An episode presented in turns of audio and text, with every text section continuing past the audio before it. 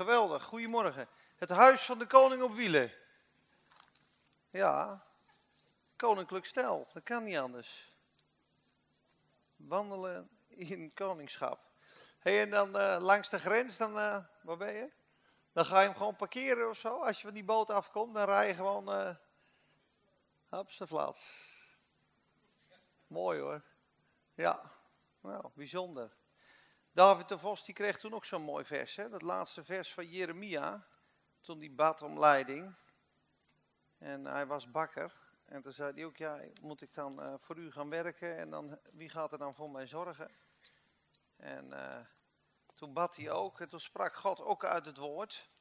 En toen zei God, onderlaatst nog gelezen. Ja, en wat betreft zijn levensonderhoud, een voortdurend levensonderhoud werd hem door de koning van Babel verstrekt. Een dagelijkse hoeveelheid brood tot op de dag van zijn dood, al de dagen van zijn leven. Die kreeg David de Vos. Dus die dacht, hé, ik ben bakker. Ik het gaat geen brood tekort komen voor mij. Dus ik vind het uh, mooi dat je zo'n uh, woord gehad hebt. Prachtig. Heel veel zegen ook. Uh, ik wil graag beginnen met gebed. Ik zet even de opname aan. Ik heb twee keer over dit onderwerp gesproken. Toen deed je twee keer de opname het niet. Daar kun jij niks aan doen, hè? Maar uh, de techniek liet ons even in de steek. Maar ik denk, ik ga hem vandaag opnemen. Op mijn eigen telefoon. Sowieso. Dan leg ik hem hier neer. En uh, vorige keer kreeg ik een bericht van een broeder. Die zei, je hebt echt uh, fijn gesproken over Filippenzen. En daarna is een gedeelte, dat gaat verder. We hebben gesproken over de rechtvaardigheid en Paulus die dan uh, de, al zijn competenties van het vlees achterliet. En daarna komt hij in vers 10 en vers 11 komt het tweede gedeelte over het najagen en de heiligheid. Dacht ik dat is wel heel mooi om aan te sluiten. Dus uh, ook in het kader van de Olympische Spelen dacht ik, hey, dat is wel leuk. Ik weet niet, uh, die poster die hebben jullie wel langs gekomen. Nee, die staat daar niet op. Nee, dit, dit is een andere poster. Nee, is een andere post. Die had, ik op Facebook staan. Ja, misschien kan je hem van Facebook afhalen, maar dat maakt verder niet uit. In ieder geval, dat was een wedloop. En uh, de Olympische Spelen, dat gaat natuurlijk voor goud, zilver en brons. En in de Bijbel gaat het ook over een wedloop. En Paulus spreekt er een paar keer over. En het is een heel moeilijk onderwerp om te brengen, omdat als je het verkeerd brengt, het je onder een wet kan brengen. Waardoor je dus dingen moet gaan verdienen bij God. En dat gaan we dus vandaag niet doen. Dus ik begin met een basis straks te leggen in het genadewerk van God. En dan vanuit de Bijbel wil ik je laten zien hoe wij behoren te leven als christenen. En wat daar de grote zegeningen van zijn die daaraan hangen. De prijs van de roeping. Er is een prijs te behalen. Een machtige prijs. Een erekroon, een krans. Maar het heeft ook een groot groot doel en een grote betekenis hoe wij als christen leven. Vooral een heilig leven. Een heilig en rein hart kan liefhebben.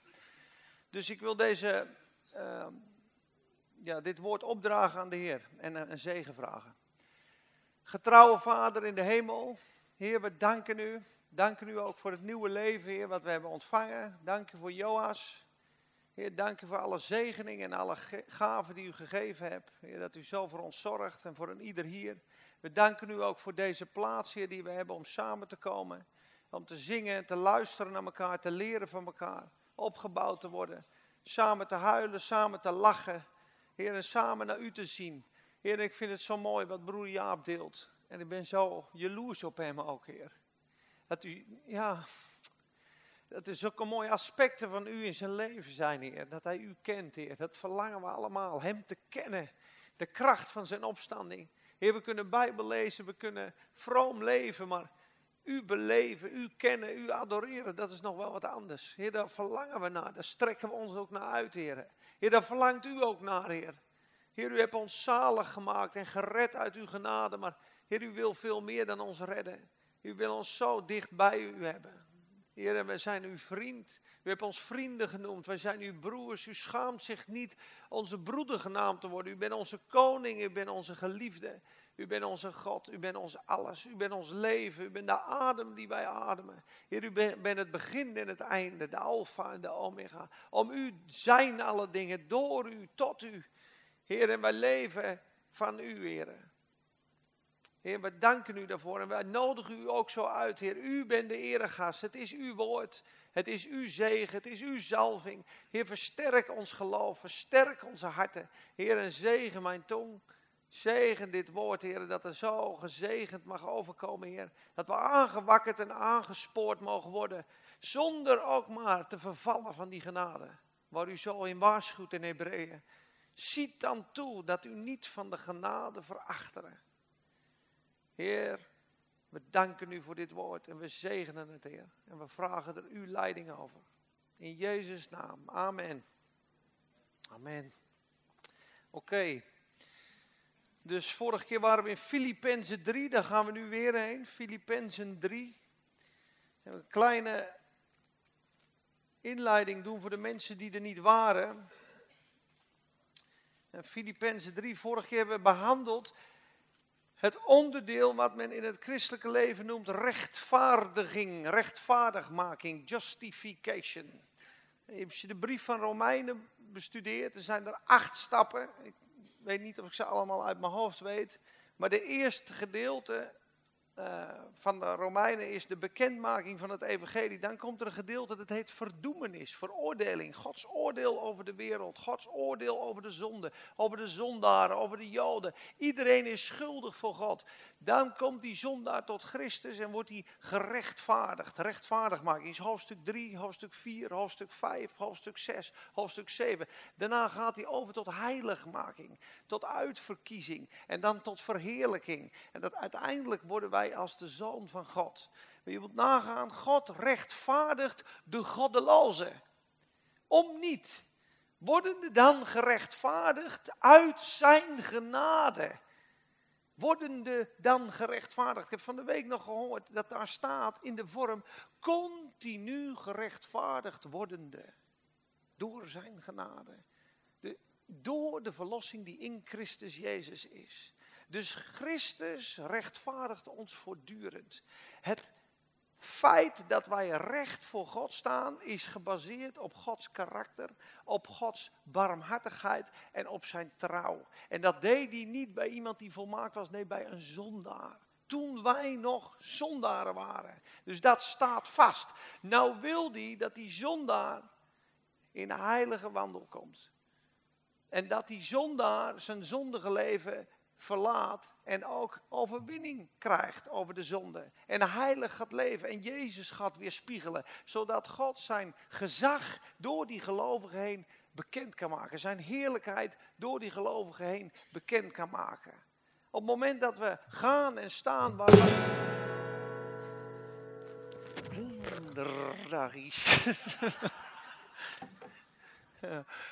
Op het moment dat wij gaan en staan waar we willen, kan de Heer ons niet gebruiken om zijn koninkrijk te bouwen. Dan zijn we nog steeds zijn kinderen, maar dan zijn we nog niet tot volwassen zonen gekomen. En Paulus, die laat een geheim zien in Filippenzen 1.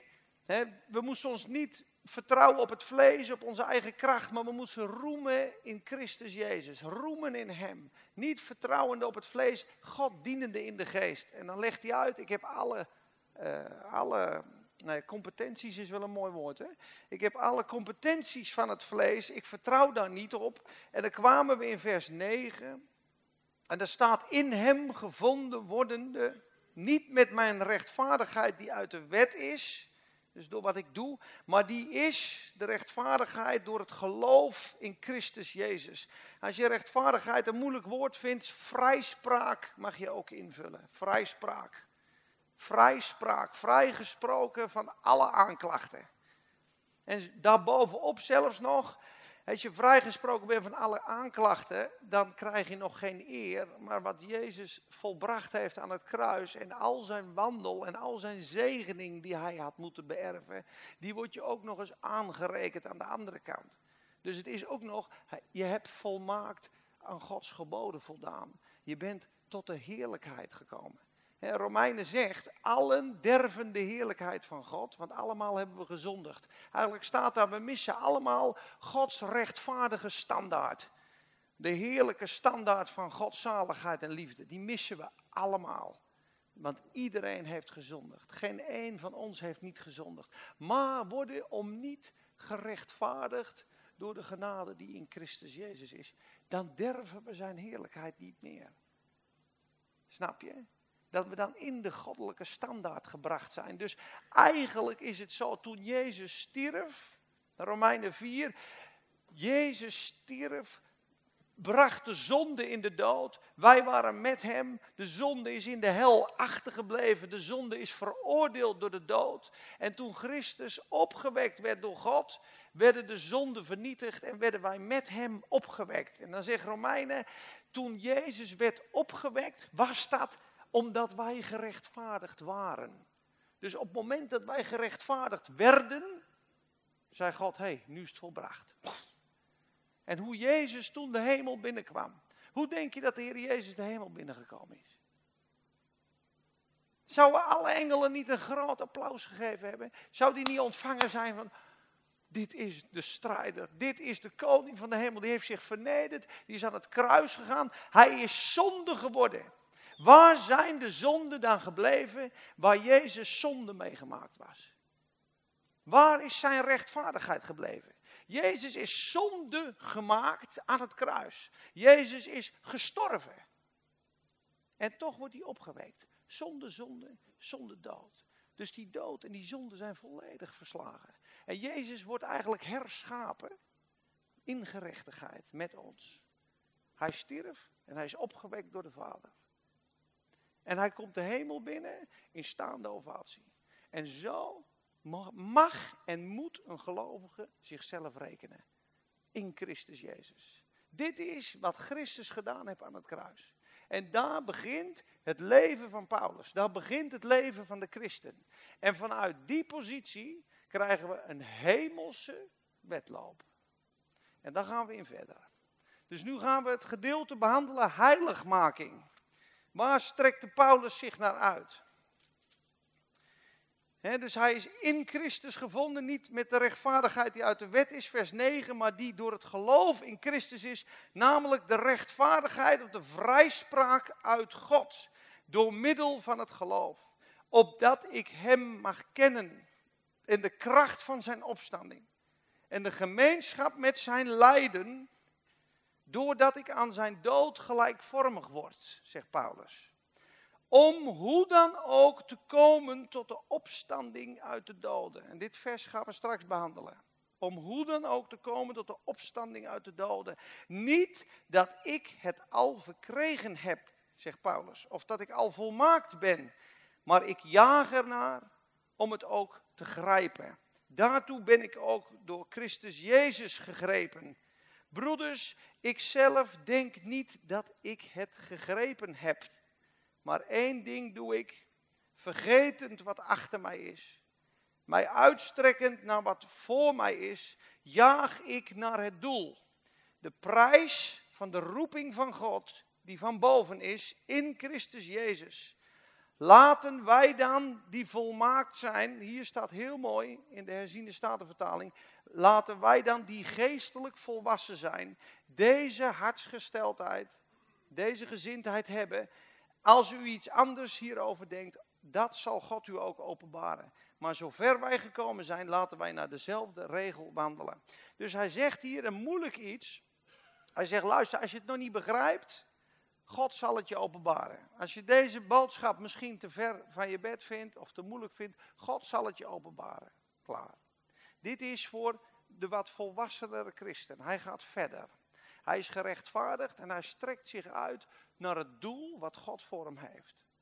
En die wedloop, wil ik ook lezen, staat ook in Hebreeën 12. Hebreeën 12. Het is even om je een goed beeld te krijgen van wat ik ga delen. Hebreeën 12, er staat met volharding lopen. Dat gaat ook over een wedloop. Het gaat over een race. En daarom kwam het met de Olympische Spelen mooi van toepassing. En ik heb jullie vorige keer het laatste vers van Hebreeën gedeeld. Het laatste vers van Hebreeën. Dat was zo mooi dat al die geloofshelden, die komen zonder ons niet tot volmaaktheid. Wie weet dat nog? Kan ik handen zien? Wie weet dat nog? Wie was dat toen, toen ik dat deelde? Niet heel veel. Ik zie twee handen. Iets hoger, jongens. Heel weinig. Oké. In ieder geval, Hebreeën 11 is het hoofdstuk van de geloofshelden. En de staat zij zijn allemaal in geloof gestorven. De belofte niet verkregen hebbende. Ze zijn door midden gezaagd, ze liepen in dierenvellen, ze hebben van alles ondergaan en ze hebben de belofte niet verkregen. Staat er. Dan staat er aan het eind, want God had een beter plan. Dat zonder ons, de nieuwtestamentische gelovigen, die oud-testamentische gelovigen niet tot volmaaktheid zouden komen. Zonder ons. Staat er. Dus Daarom begint hoofdstuk 12. Nu wij dan met zo'n grote wolk van getuigen omringd zijn, laten wij de wedloop lopen met volharding. Simpson zit te kijken. Elia moedigt je aan. Ik heb alles gegeven, geven jullie ook alles. We zijn één groot volk straks in de eeuwigheid. Eén groot geheel. Dus wat hun allemaal gedaan hebben, is het fundament voor ons. Alle profeten dienden ons, zegt 1 Petrus. Engelen zijn begeerig in te kijken in de dingen die God voorbereid heeft voor ons. De Heilige Geest. Daarom zegt Jezus ook tegen de discipelen: Gezegend zijn uw ogen, want zij zien. Want velen hebben begeerd te zien wat gij zien. En velen van de profeten hebben gewild te zien de dingen die uw ogen zien. Maar aan u is het gegeven. Tot hen spreek ik in gelijkenissen. Maar aan u is het gegeven te kennen de verborgenheden van het koninkrijk van God. Dat is heel erg waardevol. En die wolk van getuigen, dat is, daarom beginnen we in hoofdstuk 12. Wel nu, laten wij ook nu, nu wij door zo'n menigte van getuigen omringd worden, afleggen alle last en de zonde die ons zo gemakkelijk verstrikt. Laten wij met volharding de wedloop lopen die voor ons ligt. Terwijl wij het oog gericht houden op Jezus, de leidsman en voleinder van het geloof. Hij heeft om de vreugde die voor hem gesteld was, het kruis verdragen, de schande veracht en zit nu aan de rechterhand van de troon van God. Dus Jezus verdroeg het kruis en verachtte de schande, hing daar naakt, vanwege de vreugde die voor hem lag. Hij had een visie, ik ga straks met die en die persoon ga ik de eeuwigheid vieren. Ik zal bij mijn vader zijn, bij mijn broeders. Het is me waard om door het kruisen de schande te gaan voor de vreugde die voor mij ligt. En de vreugde hebben wij allemaal nodig. Anders kunnen we het kruis, het dagelijkse kruis, niet dragen en kunnen we de schaamte niet verachten. Als er iets gebeurt waardoor je schaamt, zeg je daar is de Heer doorheen gegaan. Dat brengt glorie. Maar als er geen vreugde voor je gezet is, om je daaraan vast te klampen, geen anker voor je ziel, zal je in je ziel bezwijken. Dat is waarom ik begin met rechtvaardiging. Dat is waarom ik begin met een fundament. Dat is waarom Petrus zegt, wedergeboren uit onvergankelijk zaad, vertrouw volkomen op de genade, word heilig. Dat is waar elk schriftgedeelte over gaat. Onvergankelijk zaad. God dienen. Dus we beginnen met de Heilige Geest. We zijn een kind van God geworden. En nu gaan we langzamerhand met papa alle dingen die zijn liefde en zijn heiligheid en zijn glorie blokkeren in ons leven, gaan we uit de weg ruimen. Met het doel, dat ga ik je vertellen, dat wij uiteindelijk straks als koningen met hem gaan regeren. Allemaal zijn wij kinderen van de grote koning, van een groot hemels koninkrijk, groot hemels koningshuis Koningshuis, daar hebben we weer, over de pont. Maar je moet nagaan, toen Maxima met Willem-Alexander kwam als gewone normale burger, heeft ze het hele protocol van het Koningshuis moeten leren. Nu is zij koningin. Zo zijn wij gevallen zondaren, komen in de goddelijke familie en zijn gered door zijn genade. En God heeft met ons een plan dat wij als koningen heersen met hem. En daar spreekt Paulus over in dat gedeelte. En daarom zegt hij dat ik mag komen tot de opstanding uit de doden.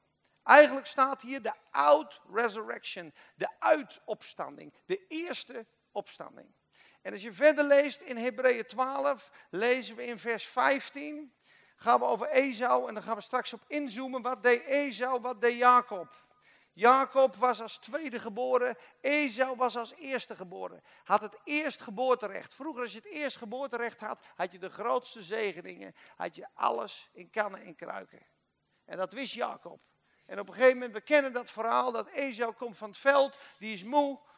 En, en hij is een bordje linzensoep aan het maken, een pan linzensoep. En hij zegt, geef mij van dat rode daar, geef me van dat rode. En Jacob is listig en slim en die zegt, je krijgt van het rode als je je eerste geboorterecht aan mij verkoopt. En Esau veracht dat geboorterecht, staat er. Weet je, dit eindelijk zegt, hij we gaan toch allemaal een keer dood. Binnenkort ga ik dood, want ik had het eerstgeboorterecht. En zo verachtte Esau zijn eerstgeboorterecht. En hij zei, Jacob, zweer dat gij mij dat eerstgeboorterecht verkoopt. En hij zwoer het hem. En hij gaf zijn eerstgeboorterecht weg, uh, geboorterecht weg voor een bord linzensoep. Dan spreekt hij hier in Hebreeën weer over. En dan zegt hij, ziet erop toe dat niemand achterop raakt in de genade van God door God na te jagen, hè, door een heilig leven, zie, zie erop toe dat je niet van de genade van God vervalt. En dat er geen enkele wortel van bitterheid opschiet en onrust veroorzaakt, zodat velen bezoedeld worden. Laat niemand een ontuchtpleger zijn of een onheilige, zoals Esau, die voor één enkele maaltijd zijn eerstgeboorterecht verkocht. Want u weet dat hij ook daarna, toen hij de zegen wilde erven, verworpen werd. Want hij vond geen plaats van berouw. Er was geen tijd, er was geen plek meer om zich te bekeren van zijn daad op dat moment. Hoewel hij dit vurig en onder tranen zocht. Want hij vond het verschrikkelijk. Maar hij verachtte het in zijn leven. En nu komt hij bij de zegen. Vurig heeft hij gebeden onder tranen. Papa, ik ben toch als eerste geboren. Maar de zegen is al weg, zei Jacob. Ik heb, ik heb de minderen al gezegend. Ik heb nog een andere, kleinere zegen voor u. En dat is een christen die is gered door God en door een onheilige wandel of een verachtelijke houding zijn eerstgeboorterecht veracht en zegt, ach een bord linzensoep, ach ik sterf toch wel een keer, ach wat maakt het nou allemaal uit. Zo'n christen wordt straks niet voor de hemel afgewezen, maar voor zijn grote zegen in dat koninkrijk. Waar hij zal heersen en regeren, wordt hij afgewezen. En dan zal hij onder tranen staan. Daarom staat er ook, hij zal de tranen wel drogen op een gegeven moment. Maar dat is van mensen die het zo laten liggen hebben in hun leven. Die zeggen, jongens, had ik maar de Heer Jezus plek gegeven. Had ik maar die zonden uit mijn leven gebannen. Had ik maar zo gewandeld dat hij mij kon gebruiken. Doe die foto maar vast op het scherm.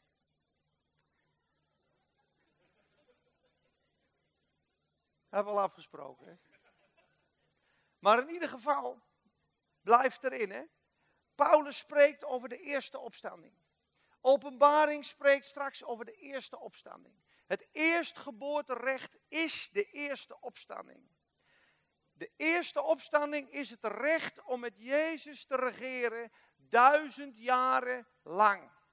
Er komt straks een koninkrijk hier op aarde, als Jezus terugkomt. En zij die trouw zijn, kijk, de mate van overgave in ons leven. Met een zuiver motief en liefde. Ja, waardoor de Heer zijn koninkrijk door ons heen kan bouwen, bepaalt de rijkdom van de erfenis die wij zullen beërven straks in zijn koninkrijk.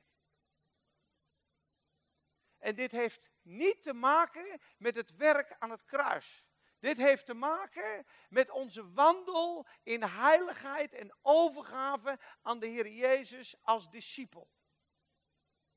En dat zijn twee verschillende dingen. En als je ze door elkaar haalt, krijg je een probleem. Want dan krijg je net als de katholieke kerk, iemand is gerechtvaardigd, maar het is nog niet zeker. Dus aan het einde van zijn leven, als hij gestorven is, wordt hij zalig verklaard. Wordt hij heilig verklaard. Dus hij moet toch nog iets doen om zijn rechtvaardigheid uit genade te bewerkstelligen. Dat is katholiek. Is absoluut niet schriftuurlijk. Rechtvaardigheid, zegt Martin Lloyd Jones zo mooi, is een forensisch bewijs en een verklaring van God die een goddeloze rechtvaardigt. Punt. Om niet, uit zijn genade. En dat staat als een huis. En dan moet je afblijven. Dat is het fundament. 1 Korinthe 3 spreekt daarover. Geen ander fundament dan dat er ligt, kan er gelegd worden. Het fundament is Jezus Christus. Punt. Staat ook in de volmaakte vorm. Onwankelbaar. Zo vast als de troon van God. Ziet dan toe hoe gij op dit fundament bouwt. Dan gaat hij verder.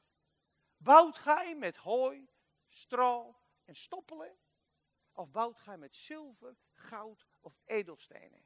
Zilver, goud en edelstenen kunnen het vuur aan. Henk Jan heeft een profiel. True gold, true gold fears no fire. Waar goud heeft geen... Het vuur, zilver kan tegen vuur, goud kan tegen vuur, edelstenen kan tegen vuur. Hout, stro en stoppelen zijn onze eigen eigenaardigheden, dode werken en menselijke zonden. Straks zullen we daar komen. Ja, maar ik heb die en die geholpen. Maar de Heer zegt, ja, maar dat motief van je hart, dat deugt helemaal nergens voor. Dat was ambitie, verbrand. Maar hier, zonder dat je het wist, ben je hier iemand dat helpt. Hier geef je een antwoord. Die persoon is zo doorgezegend, die is helemaal opgebloeid. Moet je kijken wat een gift, wat ik je daarvoor wil belonen. In alle openheid. Bovenop je zoonschap. Daar spreekt 1 Korinthe 3 over. Lees het maar thuis. Het is nu te lang. Er staat, wie bouwt met goud, met zilver, met edelstenen, zal loon ontvangen. Ja? Wie bouwt met hooi, stro en stoppelen, diens werk zal verbranden, want een vuur zal het beproeven en de dag zal het aanlichten. Hij zal schade lijden aan zijn ziel, maar hij zelf wordt behouden. Hij zelf wordt gered, als door vuur heen. Dat staat.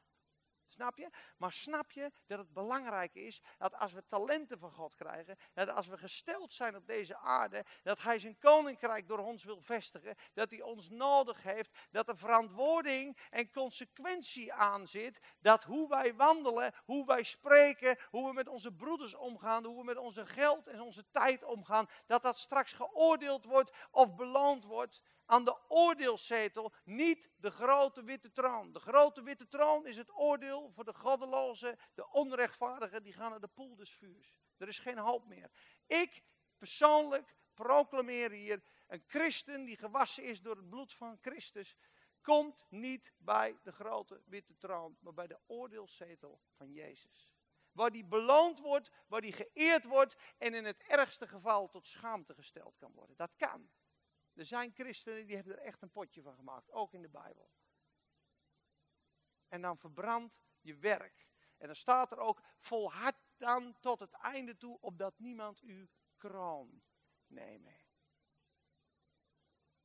En dan gaat het voor Paulus om, in Filippenzen. En dan gaat het over in 1 Petrus. En dan gaat het over in 1 Korinthe 3. En 1 Korinthe 6. Lees, je hoeft het niet op te zoeken. Ik ga een paar stukjes delen om dit te laten lezen voor de mensen die daar niet zo bekend mee zijn. Maar dit is gewoon helemaal door het hele Nieuwe Testament heen. Nou, hij zegt hier tegen die Corinthiërs, die hebben dan ruzie in de kerk, die klagen elkaar aan, die slepen elkaar voor het gerecht. En dan zegt hij ook in hoofdstuk 6, rechtszaken tussen broeders, durft iemand van u die een geschil heeft met een ander zijn recht te zoeken bij onrechtvaardigen en niet bij de heiligen? Weet u niet dat de heilige, de kerk, de wereld zal oordelen? Weet u niet dat wij over de engelen zullen oordelen? Kunnen jullie dan die kleine zaken niet onderling oplossen? Moet je dan naar een goddeloze, heidense rechter toe? Of kun je samen ook recht spreken? Want jullie klagen elkaar aan. Weet je niet dat je straks op een troon zit, dat je over engelen gaat oordelen, dat we over de wereld gaan oordelen? Dat gaan we straks doen. Filippenzen 3. We gaan verder. Die out resurrection. Wat heeft Paulus nog niet gegrepen? En wat deed hij? En wat zegt hij? Hij zegt, ik ben gerechtvaardigd tot het geloof dat ik Christus mag kennen. Dat is één. En de kracht van zijn opstanding, dat is twee. Dan de gemeenschap van zijn lijden. Dat is drie. Op het moment dat wij als christen leven in deze wereld, ben je niet welkom op heel veel plekken. Als je rechtvaardig bent in de bouw, ben je heel veel klussen, krijg je misschien helemaal niet. Als je echt oprecht wil wandelen, loop je gewoon tegen dingen aan. Gaan mensen over je praten, ben je misschien een heilig boontje, ben je misschien te overdreven. Maar dat is de gemeenschap van zijn lijden. En dan staat er erachter, aan zijn dood gelijkvormig wordende. Weet je wat hier staat?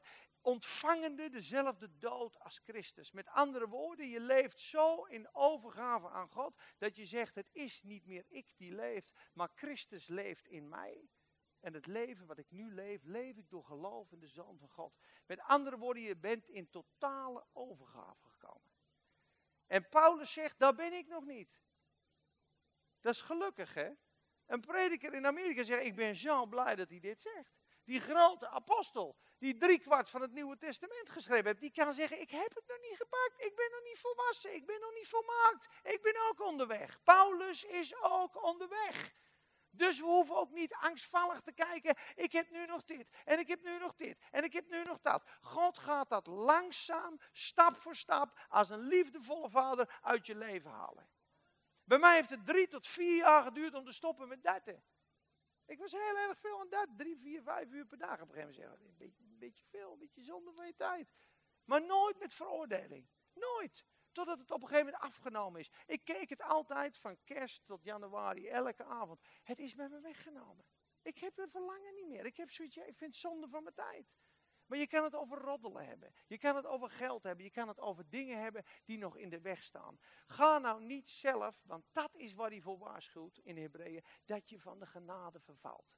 Dat je vanuit die positie als kind van God gaat proberen, ik heb nog zo'n lijst wat niet volmaakt is in mijn leven. Dit moet weg, dit moet weg, dit moet weg. Dan gaat het helemaal fout. Dat is niet wat ik wil zeggen. Ik wil alleen zeggen dat als we varen een bepaalde koers, dat je vandaag in je hart besluit en voorneemt, ik wil helemaal toebereid worden aan de Heer Jezus.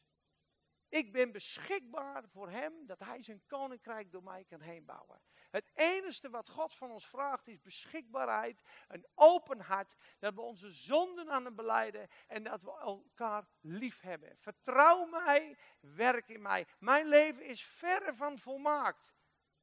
Ik moet nog heel veel dingen overwinnen, maar ik heb gelukkig ook al dingen mogen overwinnen. En Paulus strekt zich hier naar uit. Esau verachtte dit. Maar straks komt er een tijd, als Jezus terugkomt, dat wij het koninkrijk kunnen beërven.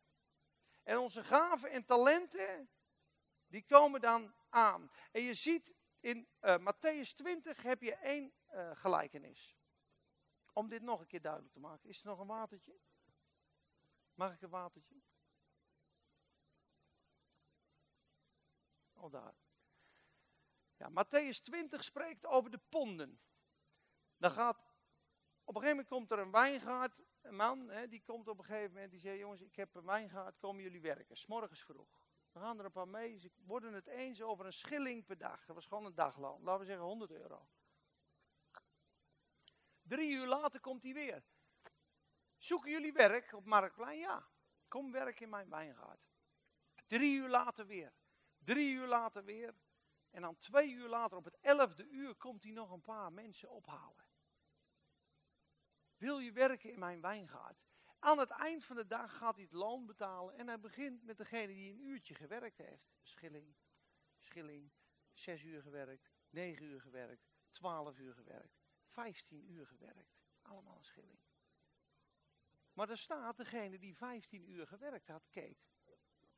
Ja, maar uh, ik heb de hele dag in de brandende zon gestaan en hij een uurtje. En Jezus zegt, ja, maar ik doe u toch geen onrecht. We hebben toch overeengekomen dat het voor een schilling was. Waarom is uw oog boos? Omdat ik goed ben. Dat is de genade. Iedereen krijgt een pond. De hele leven ben, ben ik in de brandende zon geweest. En jij bent aan het eind van je leven tot de Heer gekomen. Allemaal een pond. Is jullie al boos omdat ik goed ben? Dat is de goedheid van God. De talenten. Eén talent, twee talent, drie talent, vier talent, vijf talent, tien talenten. Komen straks voor de koning. En dan zegt hij, oh, ik begin bij hem. De man met de tien talenten, wat heb je met je talenten gedaan? Ja, ik ben gaan handel drijven. En heer, ik heb van die tien talenten twintig. En dan zegt hij, ga je goede, getrouwe dienstknecht. Gaat in de vreugde des heren. Ga je nou vertellen dat hij met het vermenigvuldigen van zijn talenten de hemel verdient? Of krijgt hij hier een plaats in het koninkrijk? Daar gaat het even. Deze mevrouw had vijf talenten. Vier, vijf, hoeveel hij? Weet je niet meer? 1, 2, 3, 4, vijf talenten.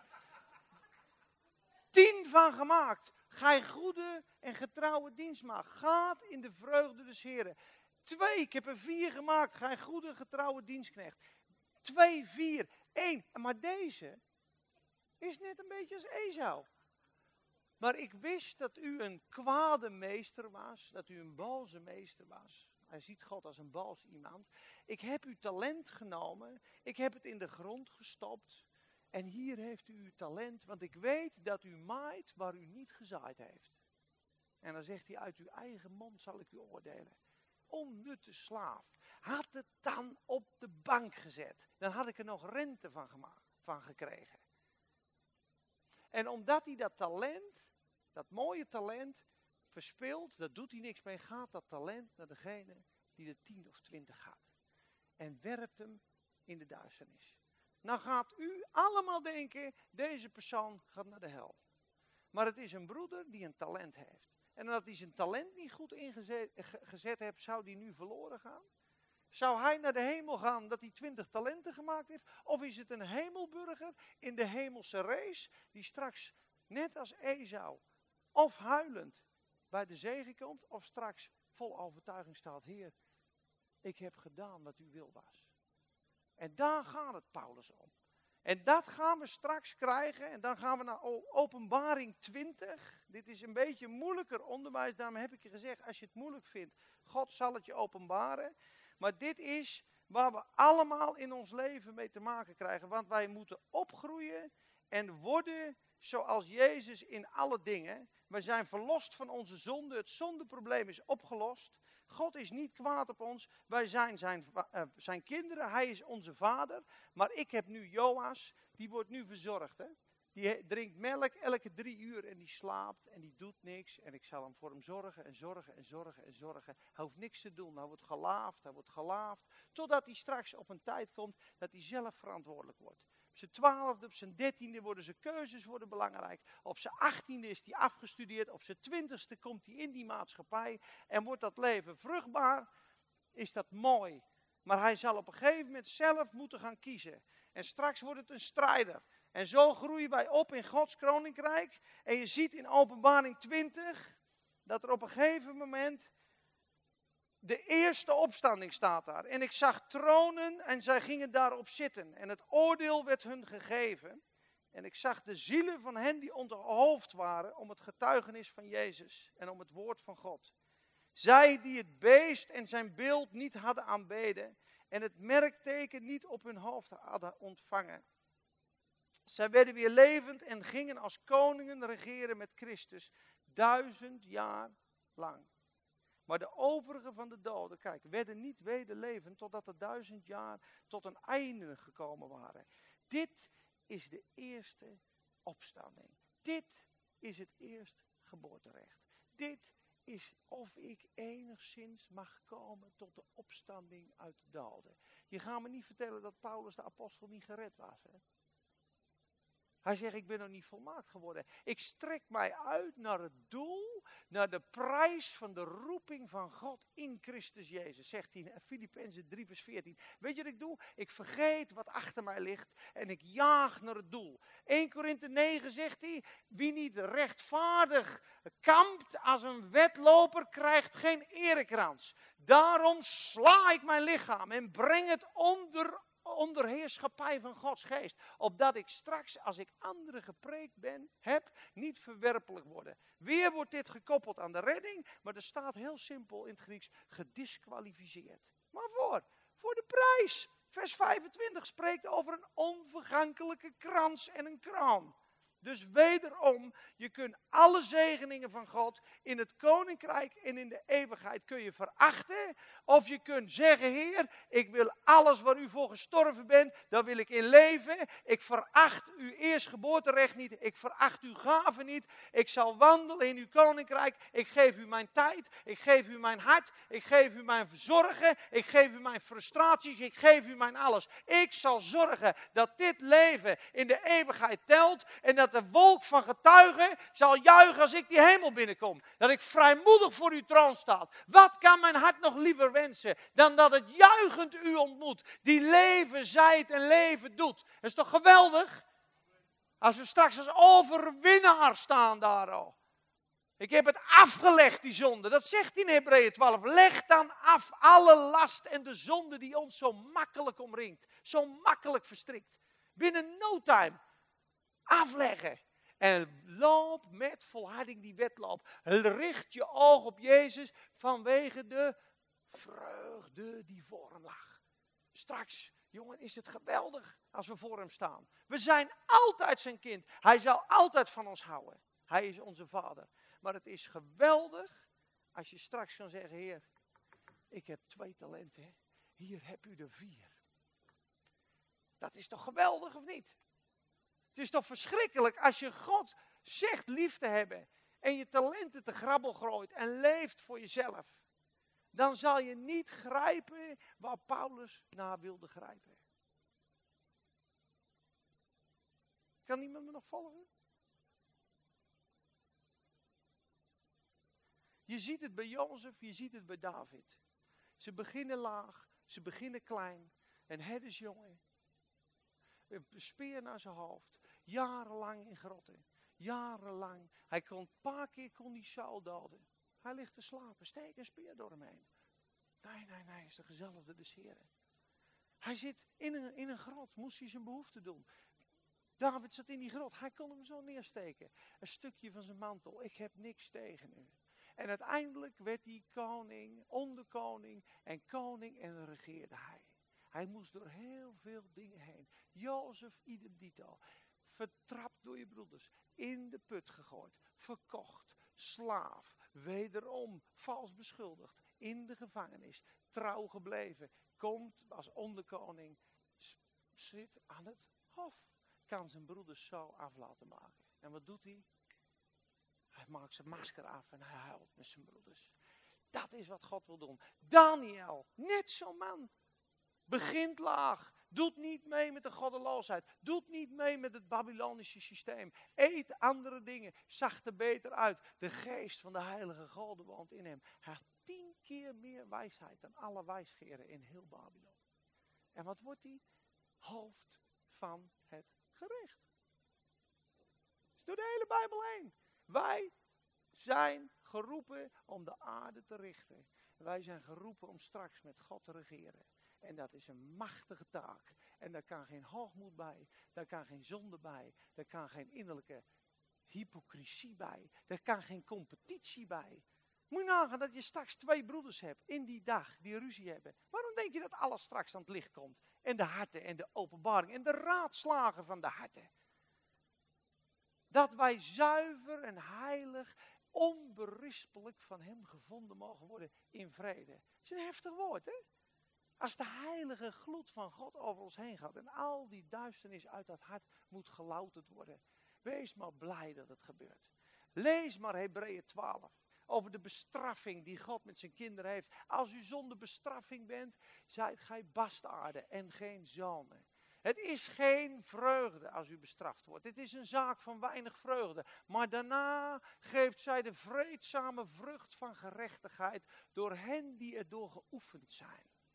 Want wij hadden ontzag voor onze aardse vaders. Zouden we niet veel meer ontzag hebben voor de levende God en de Vader der geesten? En leven, zegt hij, strekt aan de slappe knieën en de hangende handen. Je hebt eventjes van God wat gaat, maar hij bestraft ons ten goede opdat we deel zouden krijgen aan zijn heiligheid. Jaag de heiligheid na, zonder welke iemand de Here zien zal.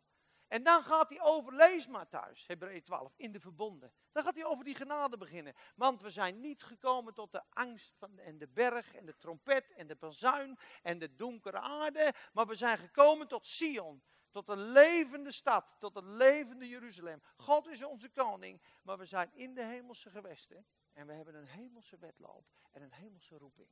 En dan moeten we afleggen alle last. En wie zit er op de tribune? Straks gaat Max Verstappen racen. Er zijn 150.000 Nederlanders. Maxje! 33, door die bocht heen weer. Maar zo in de hemelse wedloop zitten de oud nieuwtestamentische gelovigen op de tribunes ons aan te juichen. En we moeten lopen voor de Heer Jezus en we moeten lopen in zuiverheid. En als het hart niet zuiver is, kan je niet lief hebben. Je hart is gekoppeld, het orgaan om lief te hebben is je hart. Het orgaan om de kracht van God te brengen is je geest. Gods geest met onze geest brengt kracht en bediening. Maar toch kan je hart onrein zijn. Kan je geen liefde met andere broeders. Zie je heel veel tegenwoordig. Krachtbediening, weinig liefde. Of je ziet broeders met een zuiver hart. Die zijn zo lief. Maar als het om kracht gaat, dan hangen ze in de gordijnen. Dan denk je, jongens, waarom niet allebei? We zien het toch bij de Heer allebei. Super lief, super nederig, vol van kracht, vol van gezag. Is spotten, dat is niet spotten, dat is je autoriteit innemen van God. Ik ben een koning, ik ben een priester, ik ben hier op aarde gesteld als richter. En de ongerechtigheid zal ik vertrappen. En de naam van mijn vader en mijn koning zal ik proclameren. Ik ben ambassadeur van het hemelse koninkrijk. Lach me maar uit. Ik veracht de schande voor de vreugde die voor mij is. God is mijn rechter. God is mijn meester. Dat is het. Amen.